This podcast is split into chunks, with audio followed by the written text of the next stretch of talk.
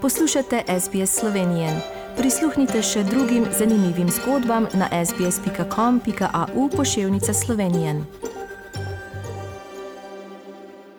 Poslušate slovensko dan na radiju SBS širom Avstralije in po svetu. Kot ste že slišali v današnji vdaji, danes 3. julija bo potekala tradicionalna prireditev Dobrodošli doma letos pod imenom Sloveniji za 30 let.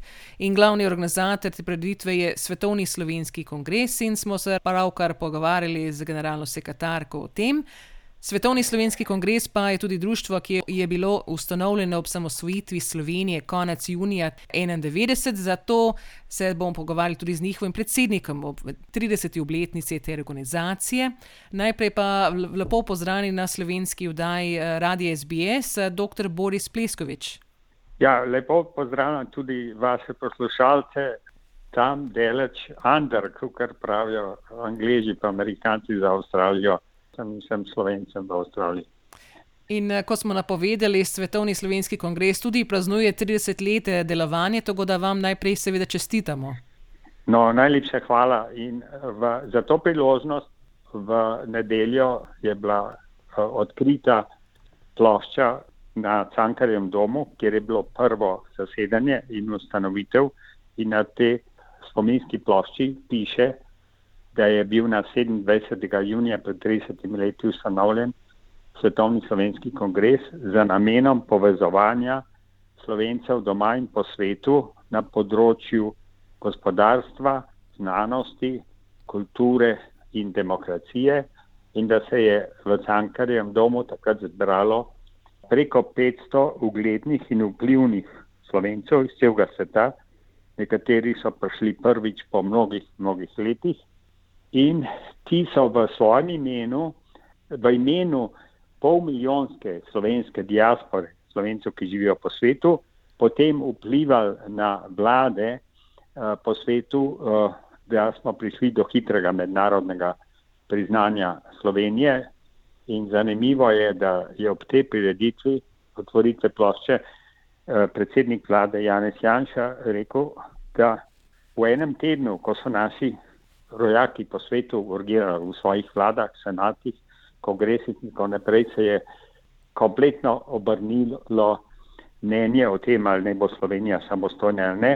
In da takrat Slovenija sploh ni imela svoje diplomacije, niti teh institucij, ker je pač prej so bile vse ambasade Beograjske, pa zvezdne, ne? in da brez naše pomoči bi težko dobili osamosvitev tako hitro ali pa sploh nikoli.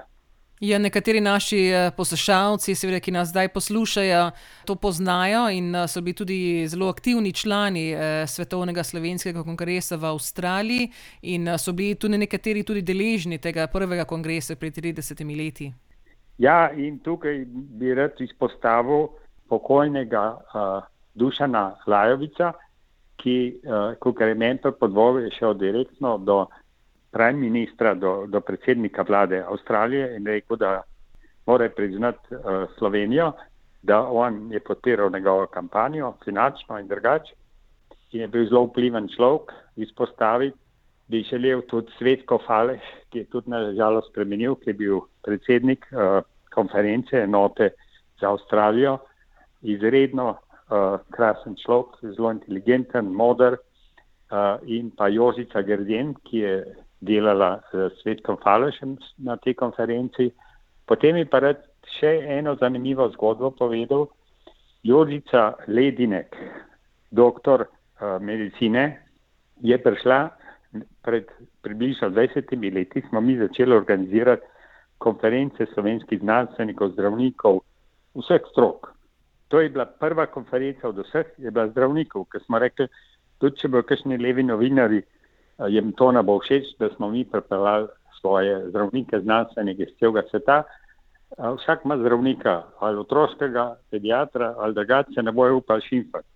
Ampak zanimivo je bilo, da je na Bled takrat prišlo preko 80 slovenskih zdravnikov iz Amerike, iz Avstralije, iz Kanade, iz Evrope.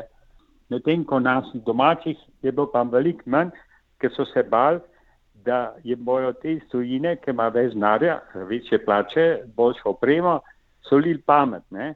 In takrat je prišla Josica Ledinek, ona ima namreč patent kako se dela umetna koža, ki ga je v svojih raziskavah odkrila na Harvardu, ki je bila tam uh, kot visiting fellow. Je zanimivo, da je potem napisala za naše glasilo in rekla, ja, jaz sem se težko odločila, ker kongres je civilna družba, ima zelo malo sredstev, sem si mogla plačati svojo karto, 16 ur letela, ampak sem srečala toliko čudovitih slovenskih zdravnikov, ki so bili tako na vrhuncu kot mi, čeprav imajo manjša sredstva, pa manjše plače. In sedaj je napisala že deset let pro bono za to in sodeluje z peklinskim oddelkom Univerzitetnega kliničnega centra. No, to je krasna zgodba in ministrca je ob tej otvoritvi spominske plošče rekla, da je imel svetovni kongres posebno vizijo, ki je začel te konference. Zdaj smo jih že čez 40 naredili, da povezujemo naše zdravnike, strokovnjake. Jaz imam pet zdravnikov v familiji, sorodnikov in kadar se, recimo moj brat je bil pet let glavni kirurg kliničnega centra, kadar imajo zelo kompliciran problem ali kirurgije ali kaj drugega, da ga ne znajo rešiti, najprej pokličajo v Švico, v Ameriko, v Kanado, v Avstralijo, slovenske prijatelje, ki so na naših konferencah z njimi postali prijatelji. Letos bomo imeli že 11 konferenco zdravnikov in ponavadi pride 80-100 predavateljev in 150 do 250 poslušalcev. Tako zelo, zelo ja. zanimivo in uh, kako se seveda lahko to vse poveže v drugih uh, oblikih, recimo mogoče kot uh, si nismo niti zamislili pred 30 leti. Ne, ampak jaz sem imel to srečo, jaz sem 30 let delal na Svetovni banki in sem po desetih letih na Svetovni banki se vrnil v Slovenijo kot glavni ekonomist predsednika vlade in pa glavni svetoval za ekonomijo. In potem Z mano je takrat deloval tudi slavni ekonomist, eden od sto najbolj vplivnih strokovnjakov v Ameriki eh, in njegova skupina, ki je bila plačena od OZN, United Nations Development Program.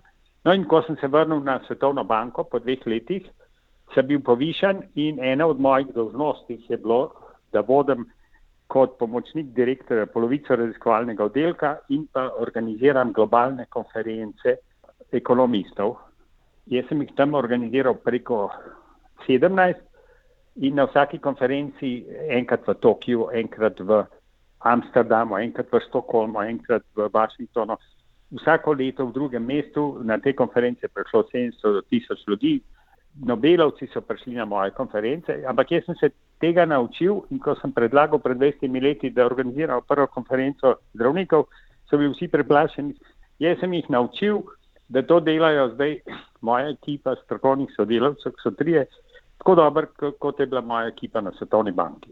In to, če na prvo konferenco ni prišlo dovolj domačih zdravnikov, je pa zdaj se pa skoraj stepejo, kdo bo predsednik organizacijskega odbora, pa kdo bo na programu, ker so postali prijatelji. Recimo Slovenija, čeprav je mehna država, je ena vodilnih v svetu v presaditvih pljuč, ledvic in, in tako naprej. In v svojih nišah, kljub temu, da imajo skromnejše pogoje, pa plače, so vrhunski. Tako da so ugotovili naši znanstveniki, zdravniki in drugi, da imamo vrhunske ljudi doma in po svetu, in zdaj so prijatelji ratali in sodelujejo na znanosti, na inženirstvu, gradbeništvu, glasbi. Tako da to je bilo res, ne vem, sreča v tem, da sem se jaz to tam naučil, pa ugotovil, kako je to koristno za svet, ampak je še najbolj koristno za Slovenijo in svetovni slovenski kongres, da to nadaljujemo. Tako da vidite to vlogo, recimo, da nadaljujete v prihodnosti povezovanju slovencev po svetu in posebno za to naslednjo generacijo. Ja, potem je pa mlajša generacija, je pa približen čez deset tisoč študentov na leto študira v Evropi, Ameriki, po svetu. In pol so pa prišli predstavniki, da smo mi začeli organizirati tudi konference, smo že zdaj štiri naredili mladih raziskovalcev in študentov, ki študirajo ali pa hočejo iti v tujino. So pol prišli predstavniki teh študentov, ki zunaj študirajo, k nam in so vprašali za nasvet, kako bi društvo naredili, da se, da se oni bolj med sabo povežejo.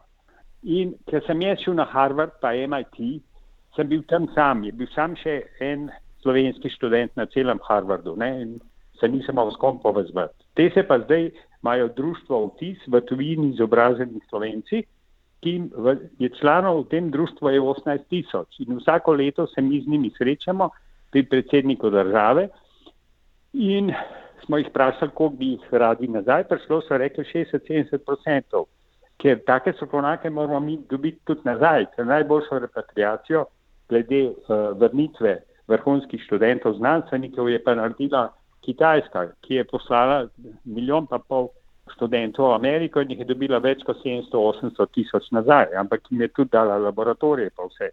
Potem se je pa še eno društvo ustanovil, je prišel Jure Leskovic, ki je profesor na Stanfordu, genijalen uh, strokovnjak za komunikacije in kompjuterje. Uh, in je rekel, kako se fondacija ustanovi. In je ustanovil fondacijo ASEF, American Slovenian Education Foundation, in oni pa povabijo okoli 25-30 naših uh, znanstvenikov iz Jožef Štefana iz univerz za pol leta slovenskim profesorjem, ki so na velikih univerzah. Tako da kongres dubu še dve sesterske organizacije, ki so komplementarne, da vsi skupaj skrbimo za to domovino, da ne bojo vsi v zuni ostali, ampak tudi, če ostanejo v zuni, da z nami še zmeraj sodelujejo in se povežejo s našimi znanstveniki doma, da skupaj delajo raziskovalne naloge, si izmenjujejo znanstvene članke, ideje in tako naprej. Tako da to je zelo pomembno, eh, tudi da se povežejo slovenci po svetu v drugih oblikih. Vam, eh, seveda, še enkrat čestitamo ob vaši 30. obletnici delovanja, da bi seveda delovali eh, še mnogo let naprej. Dr. Boris Pleskovič, predsednik Svetovnega slovenskega kongresa, hvala za današnji pogovor in upajmo, da se bomo tudi v prihodnosti kaj slišali. Ja, z veseljem in še enkrat pozdrav vašim poslušalcem v Avstraliji in upam, da ga boste kaj sem hodili, da se tudi uh, osebno srečam. Najlepša hvala za ta razgovor. Želite slišati sorodne zgodbe? Prisluhnite jim preko Apple ali Google podcasta, preko aplikacije Spotify ali kjerkoli drugje.